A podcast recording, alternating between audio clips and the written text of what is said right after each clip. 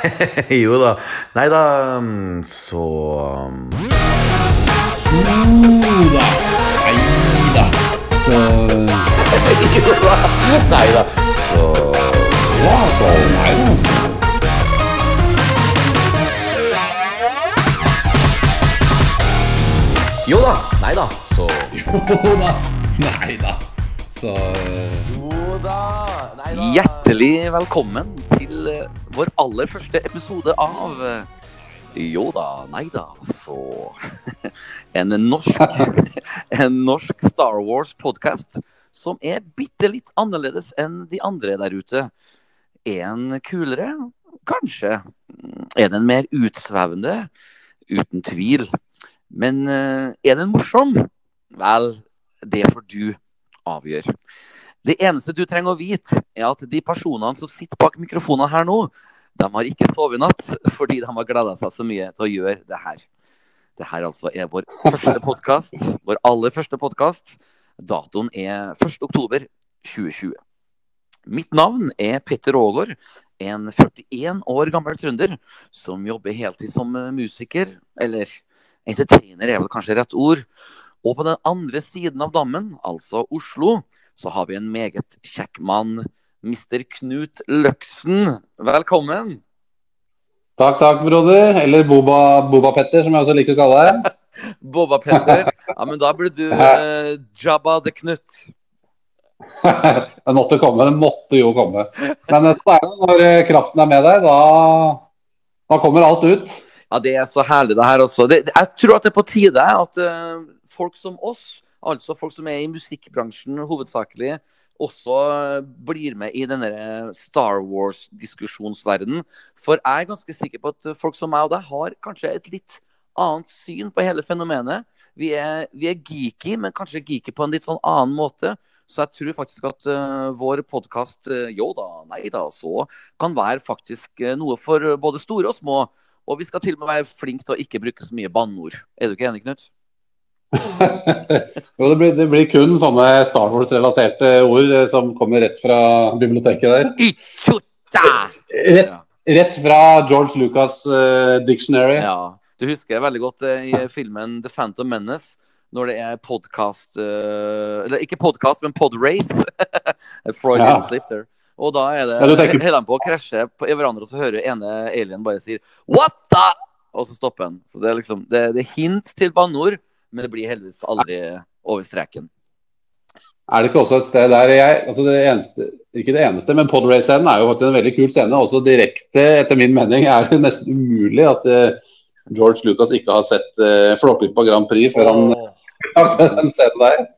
Du, Fordi, vet hva? Det er jo sabotasje midt inne, inne i racet, og måten han ja. på slutten med å få superfart. Det er identisk med Flåklypa Grand Prix. Vet du hva, Knut? Jeg tror vi må dedikere en egen episode bare til å analysere podracen i vår podkast, hvor vi bare snakker om uh, Flåklypa-referanser. Uh, og uh, ikke bare for å snakke om Star Wars-scenen, men også for å snakke om hvor fantastisk bra Flåklypa Grand Prix er. altså. Det er jo, men det er en annen historie. ja, det er, ja, ikke sant? det var det som var episode én, egentlig. Ja, ja, ja, ja, absolutt. absolutt. Det var animasjon, det der òg. ja, ja, ja. Du, det som er artig med meg og deg, Knut, er at eh, jeg og du vi bor jo i hver vår by. Jeg bor i Trondheim, du bor i Oslo. Men vi har vært så heldige å ha kjent hverandre i mange, mange år. Og nå skal jeg put you on the spot her, fordi at jeg husker nemlig første gangen jeg møtte deg. Og jeg lurer på, husker du første gangen du møtte meg? Vet du hva, det tror jeg jeg gjør, Petter. Jeg tror at um jeg tror vi skal tilbake til et sted som nå er nedlagt, og der er det vel borte nå. Altså Vi skal til Smuget, det gode gamle. Du husker helt rett. Jeg tror du var vikar i et band som het uh, Soulslave. Wow, du husker på det! Det er helt sant. Grunnen til at jeg husker det, er fordi du hadde så glatt, glatt hår. Du hadde glatt, langt hår. jeg jobba på teater i tida der, skjønner du. Jeg, jeg hadde nettopp begynt i musikalen Saturday Night Fever.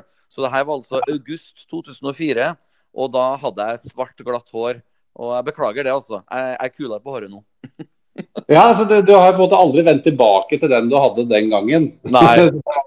det, det, derfor så husker jeg også det øyeblikket ja. ekstra sterkt pga. hårmanken, tror jeg. Ja. Og så den upåklagelige innsatsen. Da. Du gjorde en kjempejobb. Det var jo et vanskelig band å hoppe inn i med, vanskelige låter og mye greier. Så det er jo eh, Det var imponerende. Det, det var veldig snilt sagt. Jeg personlig gir min bragd sånn skikkelig midt på treet. For det var jo tross alt mister Ole Børud jeg skulle eh, erstatte eh, som vokalist. Og han er jo en ryddig vokalist, for å si det minst. Men du, nå sklir vi litt ut her. Beklager til alle seere. For at det er jo sikkert artig for seerne å vite litt om oss. Og jeg, jeg kan jo egentlig starte med å snakke litt om deg, slik at uh, våre seere skjønner egentlig for en spennende altså, altså hvilken spennende pianist du er. For du, altså, du er en pianist. Og du har jo yeah. faktisk til og med spilt i det kritikerroste bandet Shining. Hvordan var det? Du, det var Altså, 'Shining' for meg er et, et av de beste fenomenene i norsk eh, si, musikkliv og kulturliv på, som, sånn som- som jeg kan huske, egentlig. Altså, det finnes jo veldig mye bra norsk musikk, men jeg synes 'Shining' stikker seg veldig ut.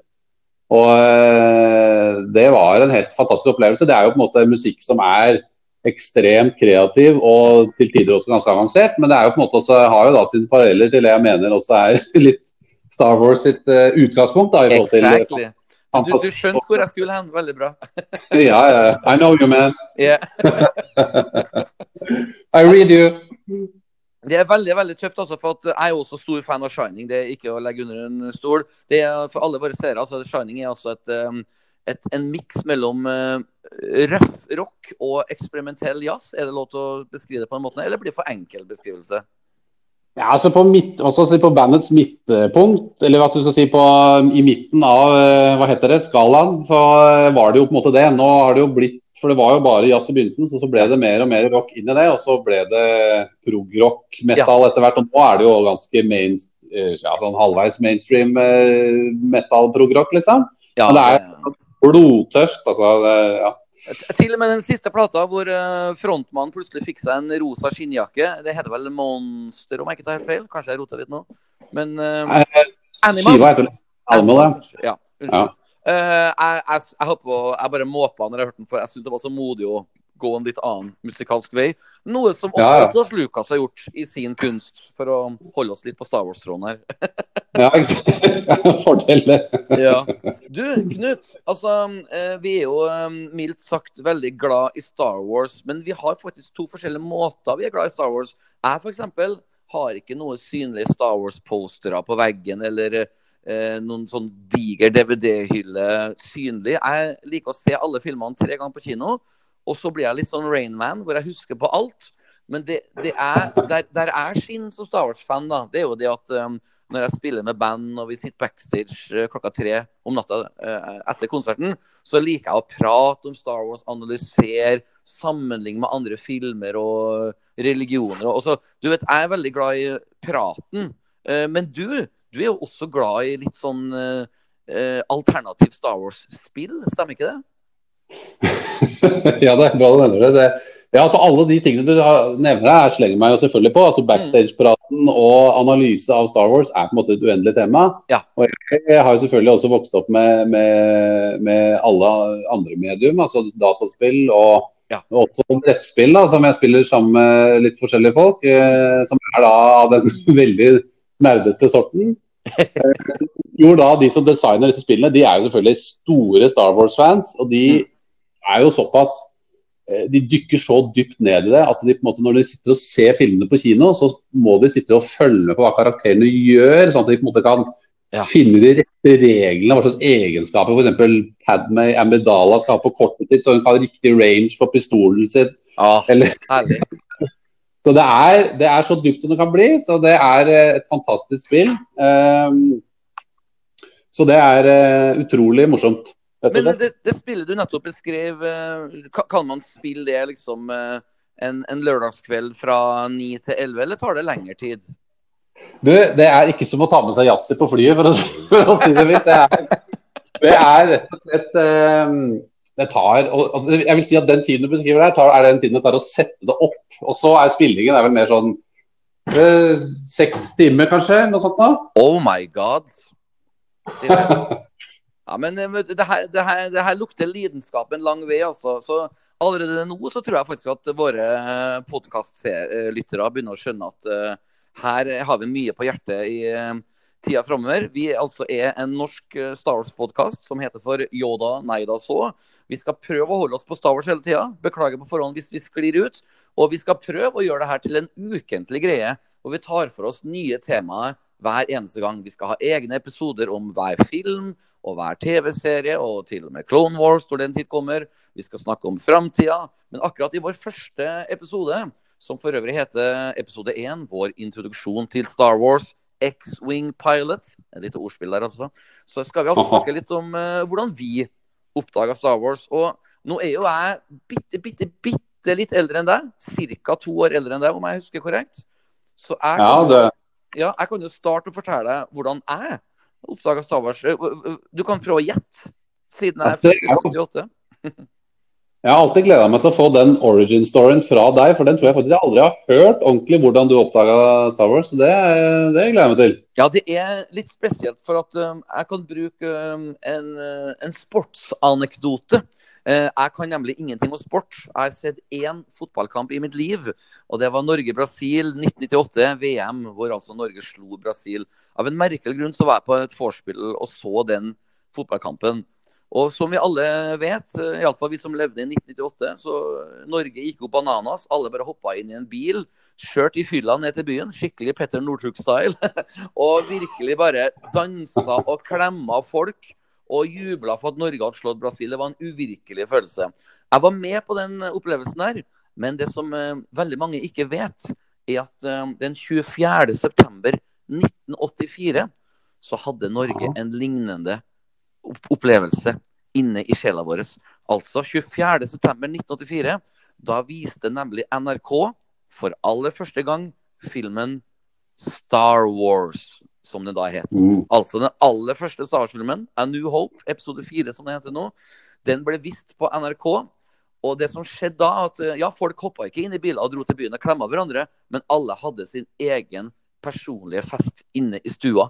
For når jeg dro på skolen den mandagen etterpå, alle bare kom med store øyne, alle bare måpa, alle bare så på hverandre og bare What the was that? Og sannheten skal sies at vi, alle hadde registrert Star Wars-logoen i, i små doser her og der før. Og noen hadde til og med hørt om Star Wars-leker, men, le, altså Star Wars-leker. Men det å se den første filmen på NRK Jeg husker til og med det var litt sånn eh, midt inni filmen så stoppa filmen litt opp fordi at NRK hadde problemer med teipen og greier. Og, men her er det artig at naboen vår klarte å ta det opp på VHS. Og det er da egentlig Star Wars-historien starter. For at um, det, det, det, det, man gikk jo nesten i sånn eh, korstog til min nabo som hadde VHS-spiller eh, etter skolen i mange mange uker og mange mange måneder etterpå, for man ville jo se filmen om igjen. Og da, eh, litt sånn som du sa med spill, man la merke til hver eneste lille detalj. Og som du vet, Den første Star Wars-filmen går jo veldig rolig og sakte i begynnelsen, mens alt foregår på Tatooine. Men vi barna vi slukte rått og sprang rett ut i sandkassa etterpå og leka Tatooine. Det her var jo så klart før eh, vi hadde sett Hoth-scenene, så vi kunne ha blandet snø inn i Star Wars. Eller eh, før vi hadde sett Return of Jedi, hvor man kunne gå i skogen og leke The Force Moon of Endor. Men sandkassa var. Så Den fantasien måtte, måtte dere få liksom inn med teskje. Ja, ikke sant. ikke sant. Så, men det, det som, eh, for å være litt sånn dyp her, da. altså Star Wars ble en slags byggekloss på vår kreativitet. Vi, vi ble ekstra flinke til å lage historier rundt. Det var egentlig bare en slags ramme vi fikk på lekene.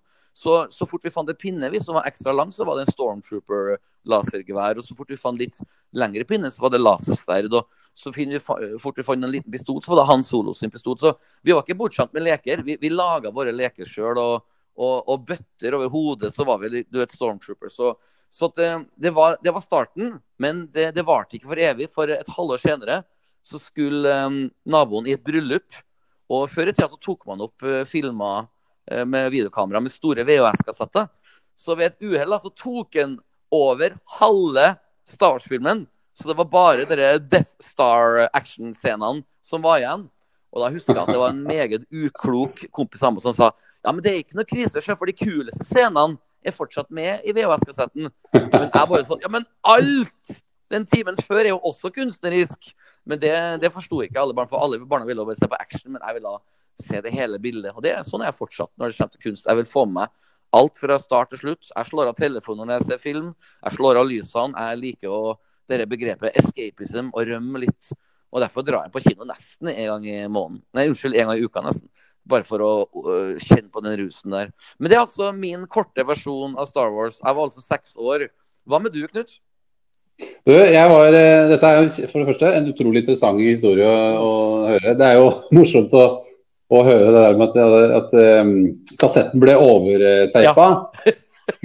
da, da kan jeg tenke på at da måtte jo dere nærmest Hvis du bare hadde liksom godbiten av action igjen, da, så dere hadde bare liksom hamburgeren igjen der, Ja. eh, så var det jo, da måtte dere sikkert eh, leke eh, og liksom på en måte lage teaterstykke selv av hele filmen, før dere da kom til slutten av filmen. Og da kunne dere først sette den på, liksom. Du måtte legge din egen fantasi før, da.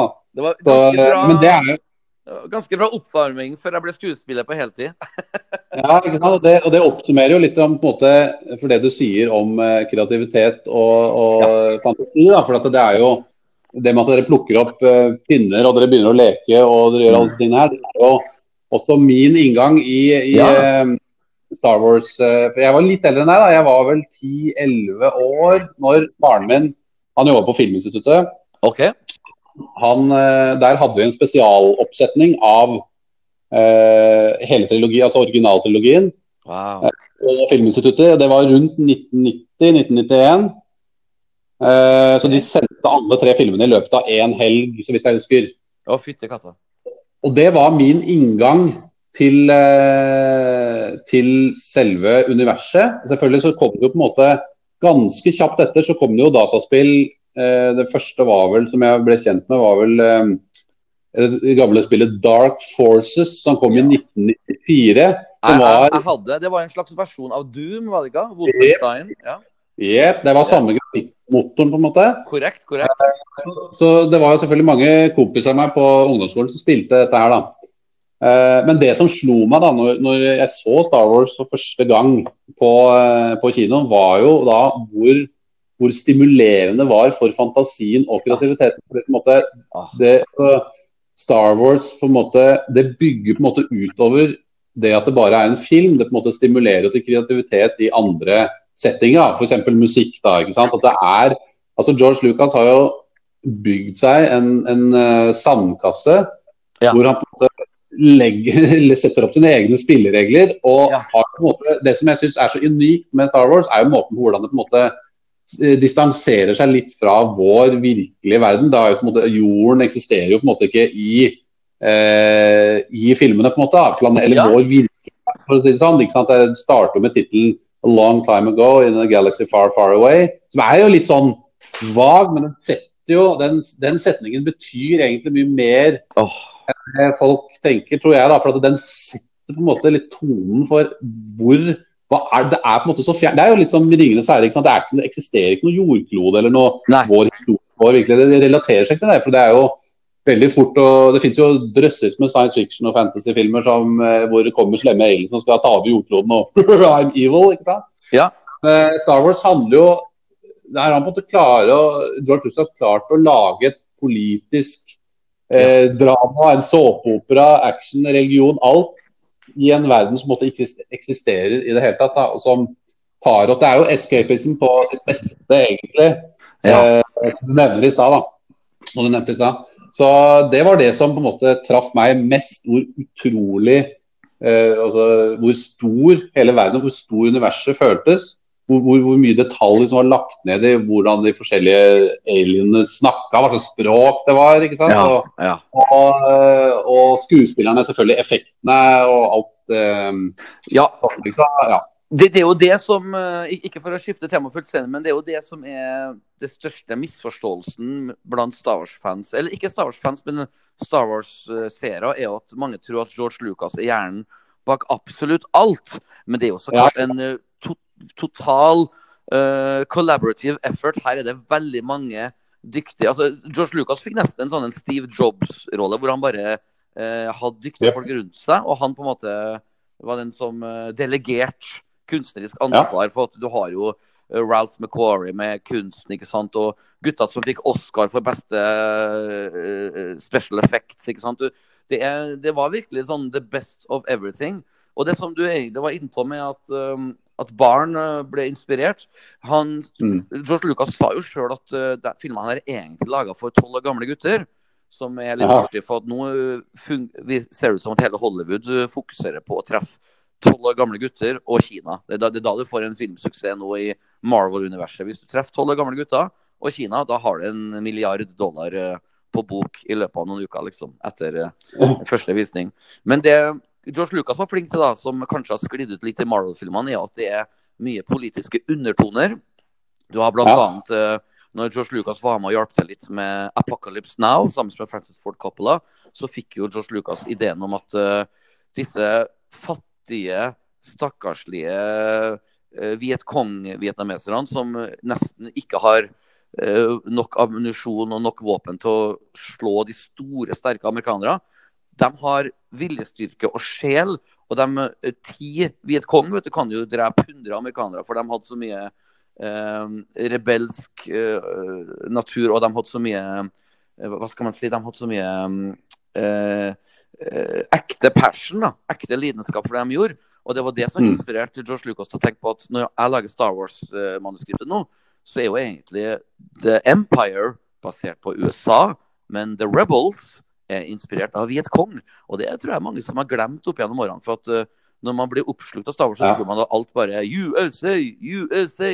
Men det er faktisk en politisk eh, kritisk kommentar til hvordan eh, Vietnamkrigen ble håndtert på slutten av 60-tallet og, begynnelsen på 70-tallet. Så det, det, det liker jeg. da. Her, her er sånne ting som jeg kan analysere eh, opp og ned mente. Og så sist, men ikke minst, veldig mye gresk tragedie som gjemmer seg inn i det her. Du har jo Ødipus-komplekset, som eh, handler om å elske med sin mor og drepe sin far. og Du har liksom en slags eh, barnevennlig tolkning av den.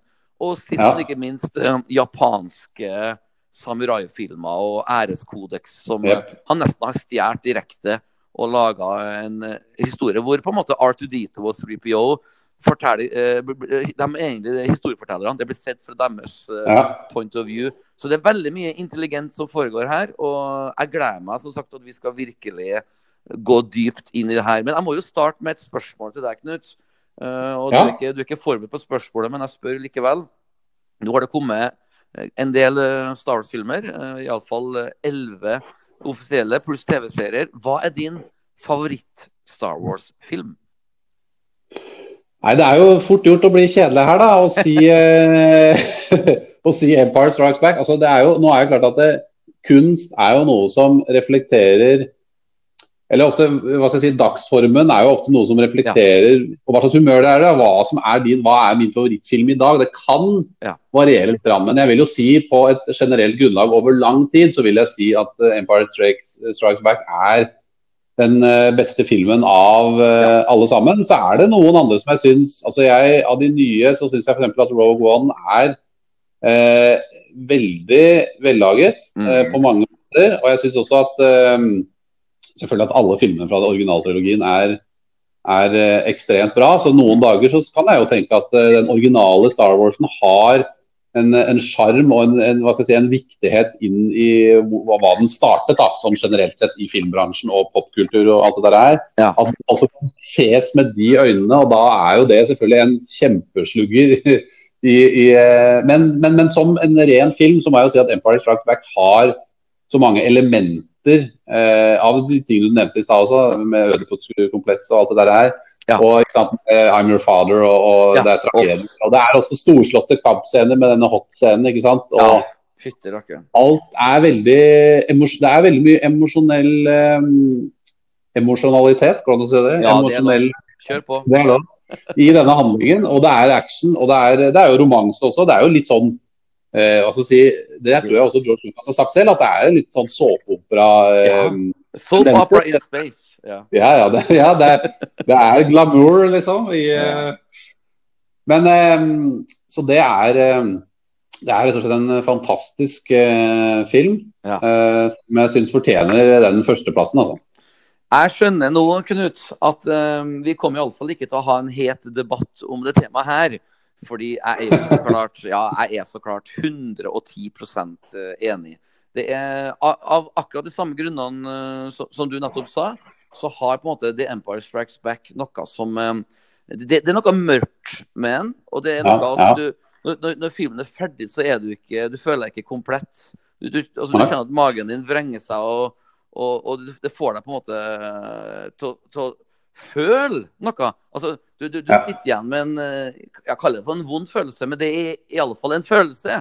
Hvis du f.eks. ser en kjedelig actionfilm med eh, Jason Statham eller eh, Gerard Butler, så sitter du igjen og egentlig føler ingenting. Men det kan du aldri si om The Empire Strikes Back, hvor du virkelig sitter og, og har litt sånn vondt, og du går forlater stua di eller forlater kinosalen og bare tenker sånn Wow, I gotta rethink my life. Altså, du skjønner hva jeg mener? Ja. Kunsten virkelig treffer deg. Og, så jeg vil jo si at um, eh, Star Wars er um, Altså, etter den andre Star Wars-filmen, altså Empire Strikes Back, så skjønte jeg etter hvert, uh, etter noen år, år at Star Wars-fenomenet er jo det samme som heroin. Og det vil si at uh, det er en fantastisk reise. Nå har jeg aldri prøvd hero heroin, riktignok, men jeg, kan, jeg har fått hørt at det er en fantastisk reise. Og, men du kommer aldri tilbake til den første råe, første opplevelsen som det var. Og det, det, det, det er jo derfor folk eh, har en tendens til å klage når det kommer nye Star For at folk er så naive og tror at det vil en gang i framtida komme en Star som er bedre enn The Empire Strikes Back. Og det er jo helt feil å tenke på. Jeg har en veldig sånn eh, overpositiv syn på de nye filmene. Jeg tenker at eh, hvis de, når de neste ti Star Wars-filmene kommer, så, og hvis tre av dem er bra, så er jeg happy. Du, du skjønner hva jeg mener? Jeg, jeg prøver å Ja. ikke legge så mye sinne og frustrasjon lenger i de dårlige. Fordi at jeg, jeg er bare takknemlig for at uh, det kommer nye filmer som uh, blir med i det universet her. Så jo da, Man har- Strikes Back er, er eh, kanskje verdens beste film. Det som er, ja, det er kanskje det. Altså det som er interessant, er at jeg også var jo så uh, De hadde en visning av Empire Strikes Back på Colosseum i eh, sommer, var det vel? Det var jo Ja. under koronatid, det var jo strenge, strenge regler selvfølgelig, så var det bare 50 i salen der på Stemmer. Mm. Og jeg har ikke sett den på kino siden uh, når det kom ut igjen i 97. Og 97, ja. Special Editions kom ut. Ja. Og det som slo meg da, var jo For at det, dette er jo De originale trilogien tilhører jo på en måte den gamle skolen filmer som, som eh, har Det er ikke så hurtig redigering i bildet. ikke sant? Det tar seg litt mer tid i bildene og sånn. Ja. Og det som slo meg, er hvor fantastisk det er å se en karakter som Darth Vader, da, som er en sånn eh, altoppslukende presence på, når han kommer på skjermen på en så stort lerret. Ja. Så trenger du ikke, du trenger ikke masse action og masse eh, staffasje og effekter for å få det til å være fett. Det er gøy, det òg, selvfølgelig. Ja. Men når jeg, det bare gikk off meg nok en gang hvor utrolig kraft den karakteren har når han kommer inn på et så stort lerret og tar scenen, eller tar rommet, rett og slett. Ja. Og det sier noe om hvor viktig det er å ha gode karakterer i en film. da. Ja. Eh, For det er jo selvfølgelig mange moderne filmer som, har, som eh, setter sin lit til eh, action og haster videre fra det ene til det andre. Mm. Eh, som jeg synes, som kan, altså, det kan fungere hvis man har bra karakterer også, men, men det er, så har de gode karakterene i bunn. eh, som jo da den originale trilogien har, og spesielt i Empire Strikes Back, da, når du har det forholdet mellom, eh, mellom uh, Luke og Darth Vader, som jo fortsetter ja. inn i- Return of the Jedi. Ja. Eh, så har du eh, Du føler ting på en helt annen måte når du ser det på det store lerretet, og ser hvordan liksom, du føler terroren i den derre skipshangaren til imperiet. og De der offiserene står rundt ham og står og skjelver i månene. Ja. så du han klarer ikke la være å skjelve litt selv. Eh, altså det er, og den stemmen til James Earl Jones også, den eh, låter godt på nye Soland-anlegg eh, Mm, mm. også, for å si det mildt. Det her er herlig. Altså, jeg, jeg skjønner jo nå at jeg og du må jo så klart ha en egen episode i vår podkast hvor vi bare snakker om hver eneste film. Altså en egen podkast bare om Empire Strikes Back. Kanskje den til og med blir to timer lang, like lang som filmen. Men Da snakker vi et og dødd i forsøket, tenker jeg. men Hva sa du? Vi kunne sikkert ha snakket et helt år og dødd i forsøket, for å si det sånn. Ja, ja, ja, uten tvil. uten tvil. Men jeg har notert meg noen flere spørsmål til deg her, og det er også Ja, spørsmål deilig. som du ikke er forberedt på. Uh, Og Det da er er først følgende spørsmål eh, Hvem, eller hva, er din eh, favorittkarakter i Star Wars-universet? Ja, det er, altså, det er jo et godt spørsmål. Um, det er eh, jeg må nok si at det er Darth Vader. Men det blir jo på en måte to, da. For det er Darth Vader slash Anakin Skywalker. Det er jo på en Ja. måte samme person. da. Så det er jo på en måte, men det er jo to forskjellige personer. da. Det er det som gjør den eh, karakteren så interessant. Han har så mange lag, og han har en utrolig lang reise. Altså, Det er sjelden vi har sett på film eh, en karakter Ja. gå helt fra eh, ja, Hvor Ja. gammel var han? Åtte-ni år? Ja, ja, ikke sant? År i, I Phantom Menace. Ja. Helt til hans død da i um, Return of the Jedi, hvor han da er jeg vet ikke hvor gammel han er, 50 år eller et eller annet sånt. nå. Han er ikke pensjonert. Han, var, i, i, han rakk aldri å bli pensjonert. Nei, det er ikke det. Han, eh, jeg vet ikke hva slags ordninger han Palpatine hadde for det, men eh, de var sikkert Men han, eh, men han Det er noe med den reisen hans og kompleksiteten Ja. så, i karakteren og det han må på en måte streve med, og måten han blir torturert og Det er selvfølgelig det er så mye andre medier. Jeg har jo selvfølgelig lest bøker sånn som Lords of the Sith, for eksempel, som Ja. er Ja. Star Wars-boka jeg har lest. Eh, og den eh, Der portretterer de den Darth Vader utrolig bra, og, og Palpatine også. Ja.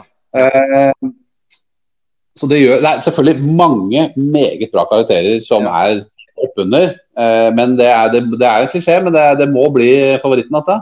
Vet du hva? La klis klisjeen eh, strømme over hele vår podkast. Fordi, min gode venn Knut Løksen, jeg har en innrømmelse å komme med. Og det, og det er jo veldig viktig det her også at, eh, til alle våre kjære lyttere. Vi har altså ikke um, uh, prata på forhånd om eh, de neste spørsmålene. Men eh, mitt svar da på hvem som er min favorittkarakter, er skikkelig, skikkelig geeky. Men det er så nære ditt som det, det overhodet går an å bli. Og hold deg fast, Knut. Nå skal jeg prøve å puste litt her for å forklare hvem min favorittkarakter er. Min favorittkarakter er Anakin Skywalker. Akkurat, ja. Og det er, og det er så vittig. Men her er da, eh, før eh, lytterne bare trykker på pause og slår av Mac-en og slenger telefonen i veggen, så skal jeg prøve å forklare hvorfor jeg ble så fascinert av Anakin Skywalker. For når jeg så Return of the Jedi, og Luke snakker med Obi-Wan om, eh, liksom, om litt, Jeg vil vite litt mer info om min far. Så sier Obi-Wan liksom He was already a skilled pilot when I met him. Du vet den historien der. Så Ja, ja, ja. før, så før 1999, så før The Phantom Menace kom på kino, så hadde jeg i mitt uh, relativt uh, kreative hode laga en sånn en fantastisk um, reise uh, av hvor, av hvor Anakin Skywalker hadde vært før han ble Darth Vader. Så jeg for eksempel, i mitt hode så for meg at uh, Obi-Wan møtte Anakin Skywalker når han var rundt 20 år. Anakin Skywalker hadde på seg en sånn oransje X-wing-dress og var allerede en skilled pilot. ikke sant? Og så Obi-Wan hadde da lagt merke til liksom at uh, han der Anakin han er rå X-wing-pilot. Han, eh, han må nå ha noe kraft uh, ekstra kraft i seg siden han får til disse fantastiske ma- ma- maneuvers. Så jeg så for meg liksom at det var liksom hans inngang. Han var ikke sånn The Chosen One, han var ikke noen Jesus-skikkelse. Han var bare en latterlig dyktig pilot som Obi-Wan oppdaga da.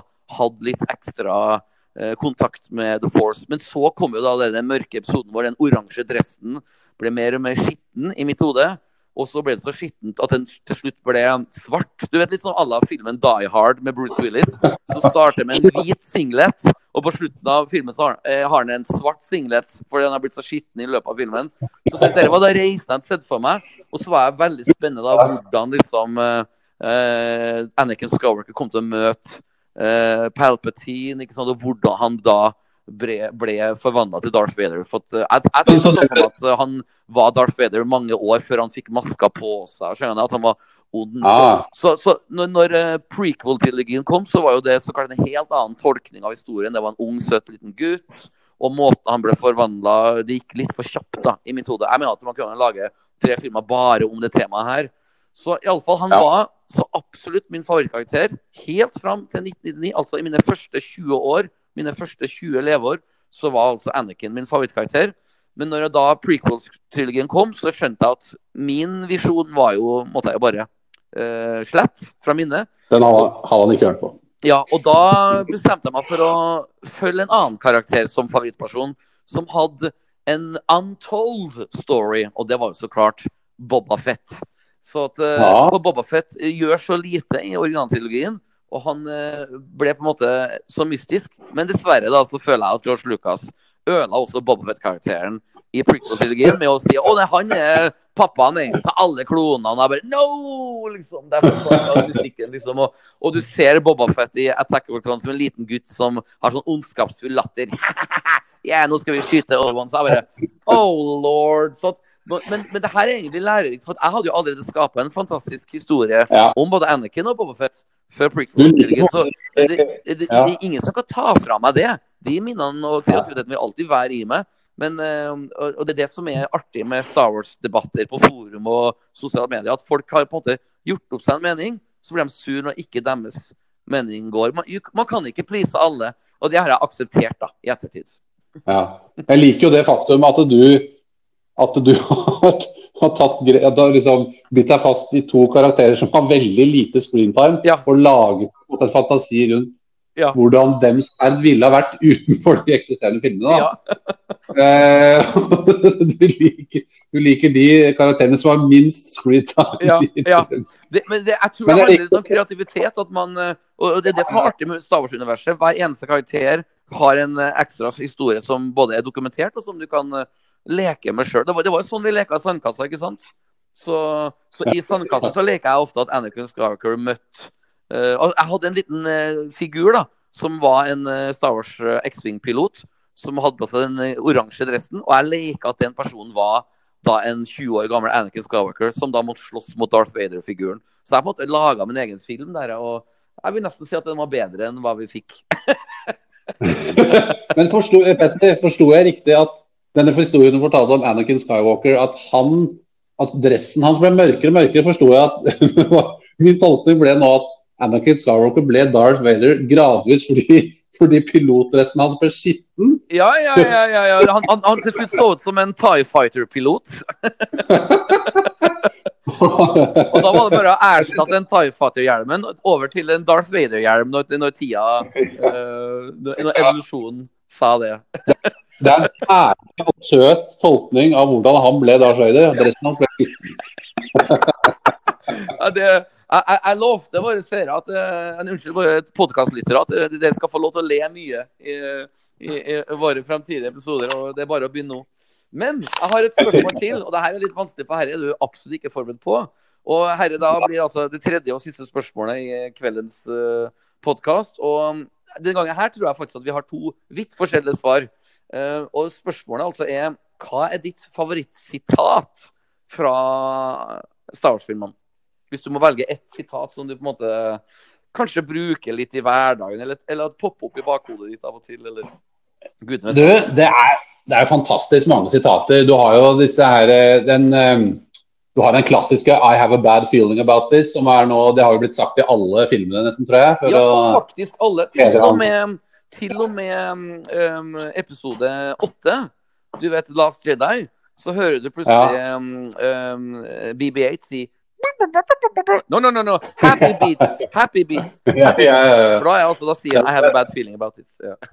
Du, mitt favorittsitat, og det det, det som er litt Jeg husker ikke nøyaktig ord for ord hva det han sier, men det er i 'Return of the Jedi', når Darth Vader møter en av disse ganske høyt-rankede offiserene på uh, Dødsstjernen. Ja.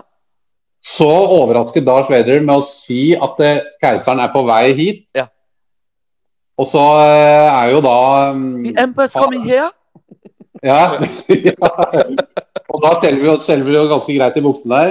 Ja. Og, da, og da sier Darth Vader Fordi at de er jo da misfornøyd, eller keiseren er jo misfornøyd med at de ikke klarer å bygge raskt nok. Ikke sant? Ja.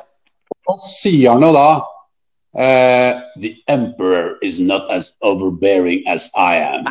Nå, eller et eller annet sånt. Han sier at disse, keiseren er ikke like tilgivende som det jeg er. Nei. Og det er bare det er herlig Ja. vittig. Det er både morsomt Ja. og det er både sant, og det er også et perfekt eksempel på hva altså, karakteren Darth Vader ville sagt i virkeligheten, Ja. og samtidig være morsom Ja. uten at Ja. han var morsom. Eh, og det er, gjør det sitatet ekstremt bra. Altså, det er liksom, han Darth Vader er den ondeste, han er den badeste som du har kjent til nå. Og så liksom Ja. kommer karakteren Nei, han er, ikke, han er ikke like grei som det jeg er. Så nå må, nå må dere Det, nå må dere ta sammen. det er faktisk flere eksempler på Darth Vader har humor. I Rogue One så sier han Don't Ja, ja. choke on your aspirations. Ja, det er herlig. Det er helt herlig. Det, det, altså, den humoren til Darth Vader er på en måte perfekt, Ja. fordi at den er han, De tingene han sier, er noe han ville sagt i Ja. virkeligheten, og, vi, og andre kan tolke det som morsomt fordi det er i naturen, eller i karakterens natur. Ja. Og det er, eh, så det er mitt favorittsitat. Ja, det, eh, det, blant det er nydelig. Det, det, det, det, er så- det many layers på det sitatet som du sjøl nettopp beskrev. Og det, det, det er Ja. sitater jeg liker. Mitt sitat, da, mitt favorittsitat er skikkelig sært. Og, men hvis jeg klarer å beskrive det bra nok, så kan jeg få alle podkastlytterne våre til å felle en tåre, for det er faktisk så rørende. Men eh, jeg tror ikke jeg klarer å få det til i dag. Men jeg, jeg kan sikkert skrive en liten novelle bare om det sitatet her. Og det er fra A New Hope. Den første Ja. Star Wars-filmen. Vi har allerede begynt å få en liten smak på at Luke Skywalker er veldig eh, engasjert, veldig energisk. Han er plutselig på The Millennium Falcon. Han har eh, vært med å redde prinsessa. Du vet, det har skjedd veldig mye i løpet av dagen. Han har mista sin onkel og tante. Altså, du vet, sånn, det har virkelig vært en innholdsrik dag. Og han solo liksom I'm in it for the money, sister. ikke sant? Og så Ja. eh, blir Leia litt skuffa, forlater cockpiten og eh, det, Penger bare da, alt du bryr deg om og sånne ting. Og så plutselig så sier da uh, Leia at det er ingen som bryr seg om uh, den viktige saken. Så sier plutselig Luke Skywalker I care. Og da, da bare smelta. Da fikk jeg frysninger. For det, det, de to Ja. ordene beskriver Åh, jeg fikk frysninger bare jeg sa det nå. For det, det beskriver bare hele reisen til Luke Skywalker. He cares. Så, Ja. Han er, han er en uskyldig farmboy som Ja. bare vil gjøre godt med den. Ja. Og jeg blir så Jeg, jeg, jeg er kanskje litt sånn eh, ekstra mottagelig for eh, bra filmkunst, men når jeg ser filmene, og når jeg ser den scenen her, så bare Åh, gud, det oppsummerer eh, Luke Skywalker på to ord. I care. Og det er egentlig det egentlig livet handler om. Man må bare bry seg om eh, eh, alt og alle, for å si det rett ut. Så det, det, det er en kunstsitat. Og det går rykter om at det var um, eh, Mr. Obi-Wan Kenobi himself, altså skuespilleren sir Alec eh, Guinness, som eh, var med og forandra noen av disse dialogene i første filmen. Ja, for han, Ja. eh, han var jo en høytstående høytstående skuespiller den gangen. Og litt sånn eh, Korrekt. en veldig dyktig mann. Han har jo også, også gjort litt narr av Star Wars i noen figurer. Han var jo fantastisk, da. Så det er jo, Folk kommer og gjør den jobben de skal. Men eh, det er jo hyggelig å høre at han har bidratt òg, da. Ja, han har virkelig bidratt, og han fikk faktisk eh, prosenter av overskuddet av første filmen ja. istedenfor lønn. Og han skulle egentlig ja. få 1 eh, av overskuddet. Og som du, du da skjønner, du som er flink i matematikk, det er ganske mange millioner kroner han skulle da få. Og, og George Lucas ringte han da, en uke etter premieren eh, hadde vist seg å være suksess. Og da George Lucas ringte sir Alec Guinness og sa bare at eh, det ser ut som at filmen gjør det veldig veldig bra. Og jeg vil si nok en gang at vi er veldig takknemlige for alle de forslagene du kom med når vi var på settet med å forandre det sitatet og det ordet der og den settingen der. Så vi vil gjerne gi deg en halv prosent ekstra. Og, og så sa bare sir Alec Guinness at det var jo veldig snilt. Altså 1,5 liksom, sånn en halv prosent ekstra i overskudd. Tusen hjertelig takk. Og en uke, uke etterpå da, så hadde ikke Alec Guinness hørt noe mer om det. Så han tenker kanskje jeg må få det her skriftlig. Så da ringte han produsenten av, eh, av filmen, Gary Kurtz, og så sa Alec Guinness Du, eh, jeg skulle visst få noe ekstra bonus. Og da sa Gary Kurtz Oh yes, the quarter percent. Yes, yes, yes. Så her var det altså penger å tjene og penger å spare. Men han fikk iallfall så mye penger at hans barnebarn lever veldig godt en dag i dag i England med Starbucks. De lever godt på, de lever godt på I Care, rett og slett. De lever på I care. They, they do care. Det er veldig, veldig bra. Så Ja. du Det er greit når Ja. Obamacare kommer til å forsvinne, for å si det sånn. Ja, ikke sant. Jeg må bare si en annen ting til både deg, Knut, og til våre lyttere. er at um, Vi har ordna dette samarbeid med et fantastisk uh, T-skjorteselskap som heter for Ja, det. Godt Hail. Jeg håper jeg uttaler det riktig.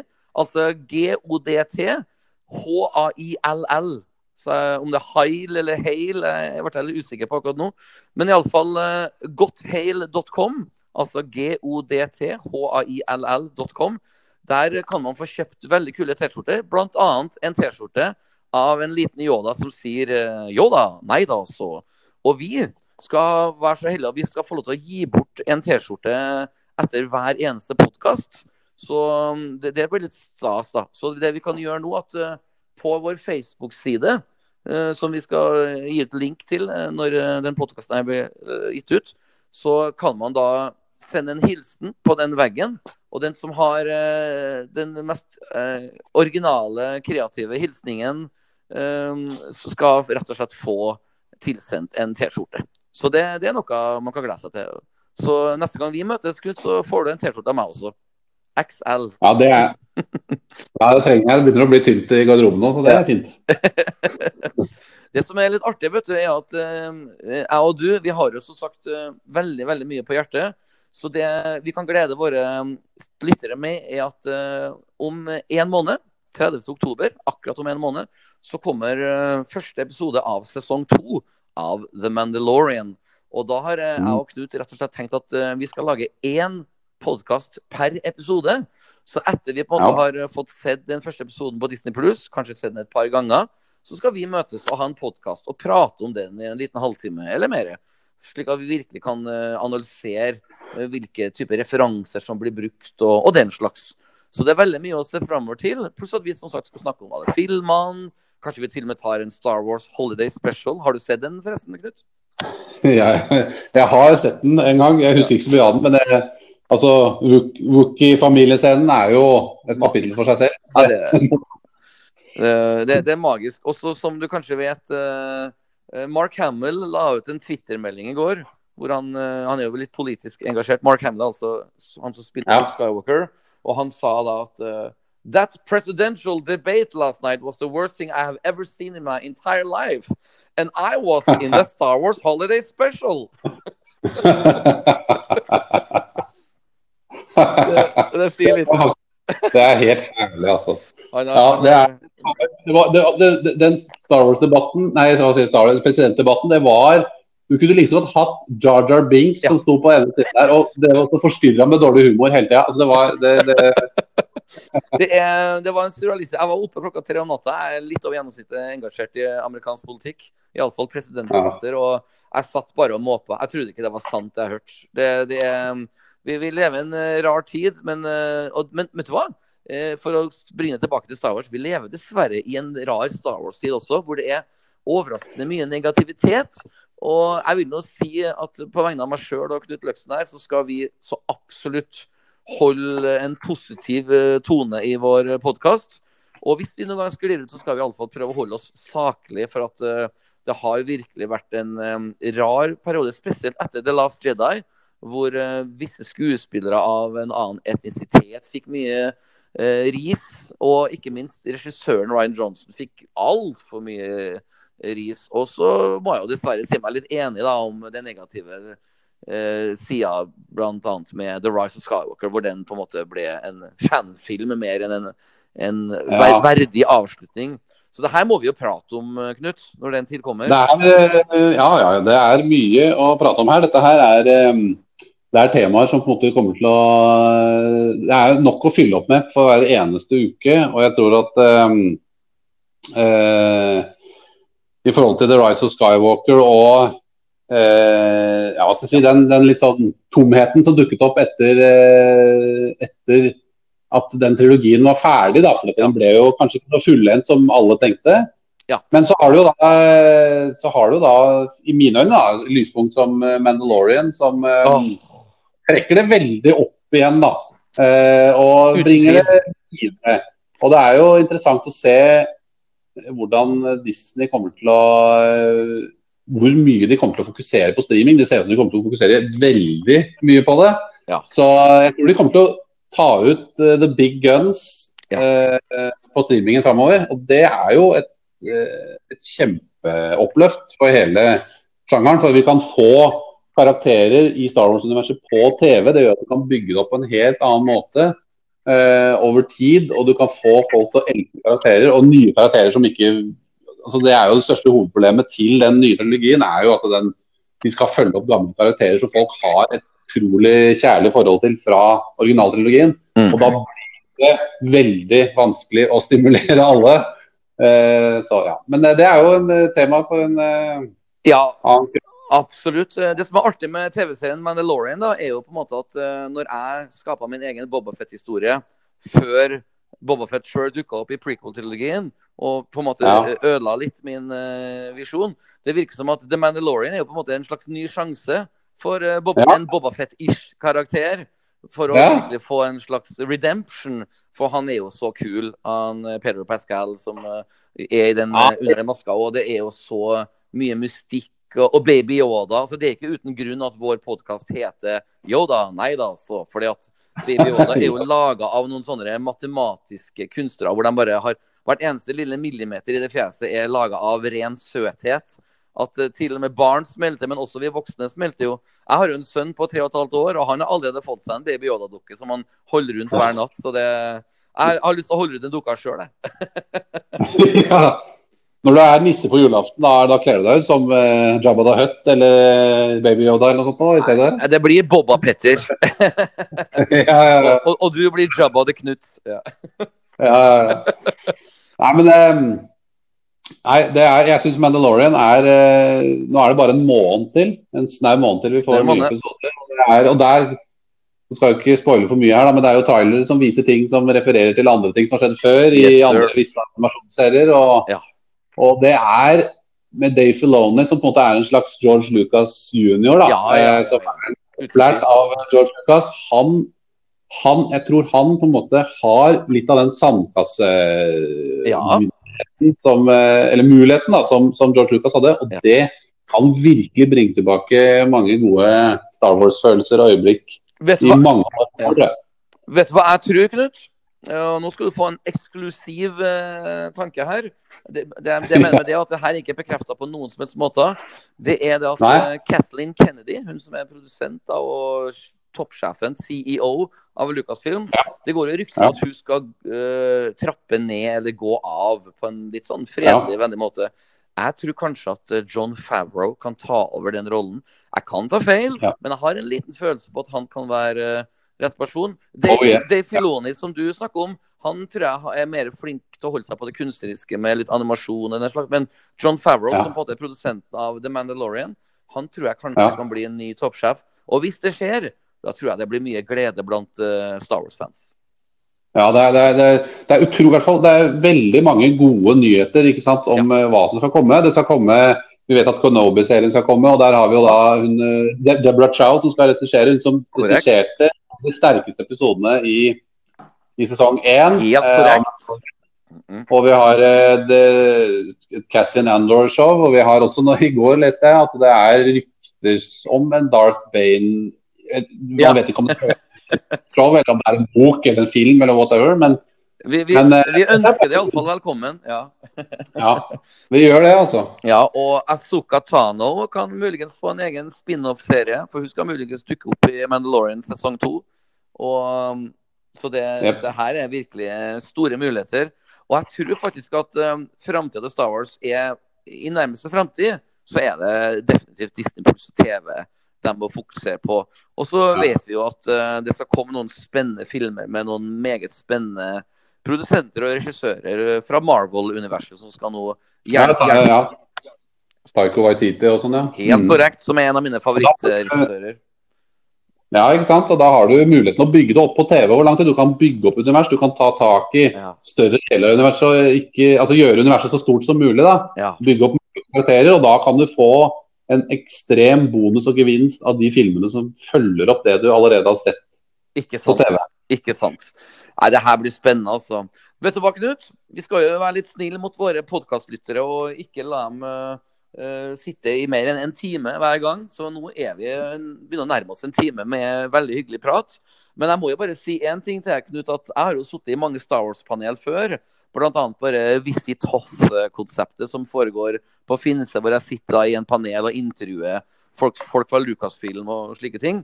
Og det har alltid Ja. vært hyggelig. Jeg har også sittet på Ja. Studentersamfunnet i Bergen med Star Wars-debatter. Og, og ikke minst har jeg sittet på YouTube-kanaler med Star Wars-debatter og Dagbladet-TV. og You name it, I've been there.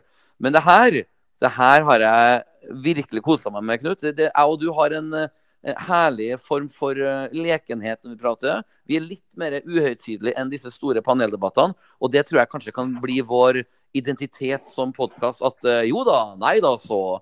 Det er en slags Star Wars-podkast hvor vi kan skli ut litt. Plutselig begynner vi å prate Yep. om Marvel-filmer og sammenligne Star Wars med andre filmer og annen type kultur og annen type religion. Og det tror jeg kan bli vår trademark til å virkelig få en fast uh, following blant uh, Star Wars-entusiaster, som jeg liker å kalle dem for. Eller hva tror du, Knut? Jeg må si speil på alt du sier der, rett og slett. Jeg må si at uh, kraften er med i din entusiasme og i alt du gjør som vokalist og entertainer, så vil jeg si at George Lucas har definitivt eh, klart å smitte deg med kraften. Ja, det, det var veldig snilt. Jeg, jeg skrev for øvrig en Star Wars-bok for fem år tilbake som heter for uh, Ja. Disturbance in the Force Imperium. og den har jeg. Du har den, ja? Så artig. Og, um, Eller jeg har, har faktisk ikke boken, men Å, du stiller meg på Messenger, så jeg har lest den på Messenger. ah, så artig. Du, du, skal få en bok, da. Du skal få en bok eh, neste gang vi møtes. Iallfall, jeg må ta litt selvkritikk for at den boka. Da, på den boka så prøvde jeg å ha litt sånn Knut Nærum-lignende humor, hvor jeg på en måte prøvde å snakke negativt om noe, men jeg mente egentlig det motsatte. Du, du skjønner hva jeg mener? Jeg prøvde å ha en sånn mørk humor hvor jeg på en måte dissa prequel-trilogien. Og så skrev jeg annet i siste eh, kapittel at eh, jeg har kjempetrua på Disney-framtida til Star Wars for at eh, alle kortene er stokka rett. Jeg må jo selvsagt ta kritikk og si at jeg tok litt feil der.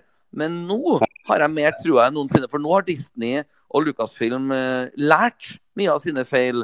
Og, og det var, var ikke mange feil. altså. Jeg syns bl.a. at solofilmen var overraskende bra. Den har ble Ja. bare hypa ned eh, mer enn den eh, fortjente. Hvis du skjønner hva jeg den, den fikk litt sånn ufortjent Ja. rykte. Og Rogue Ja. One, som du sa, er min favoritt blant eh, prequel, nei, altså blant Disney-filmene. Og så Ja, har vi jo den nye trilogien, episode 7, 8, 9, som jeg syns er sånn eh, en og en halv ish bra og en, en og en halv ish dårlig, hvis det går an å si på måten her. Så at, uh, men jeg har trua på spin-off-filmer og alt altså, i framtida. Star Wars har kommet for å bli.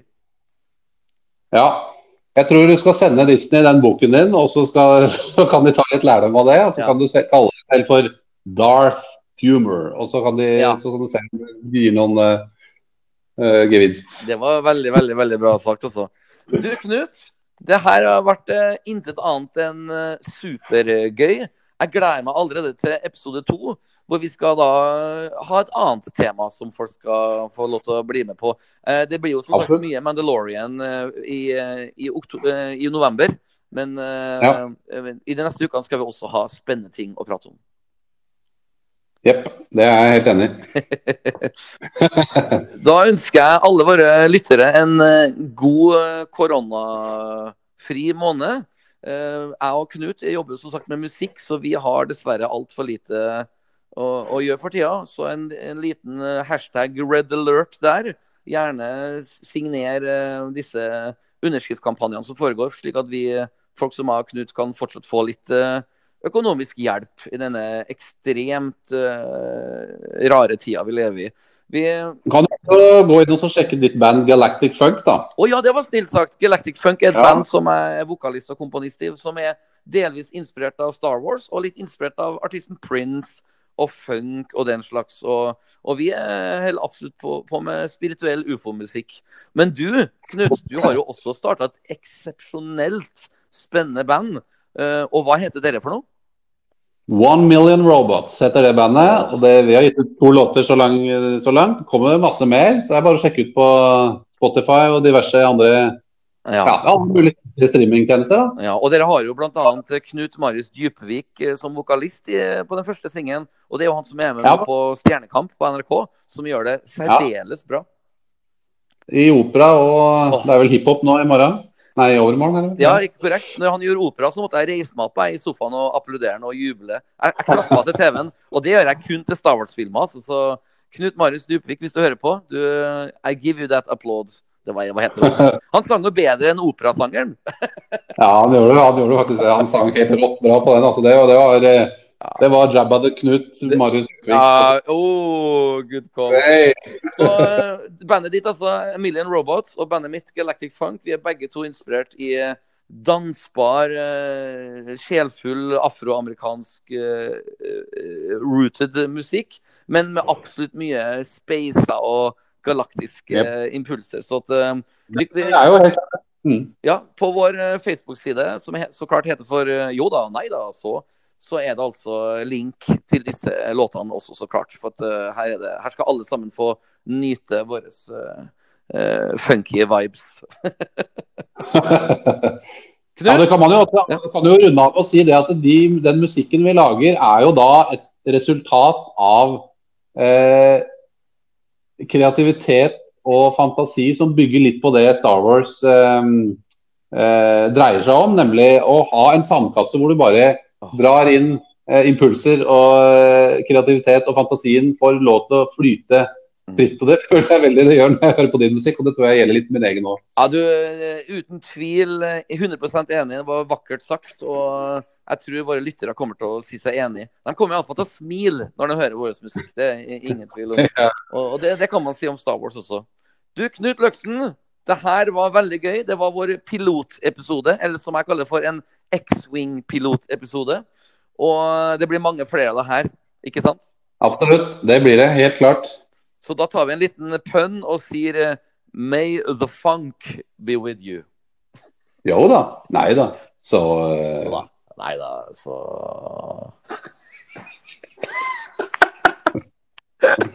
Love you, bro. love you. Mirror. Speil.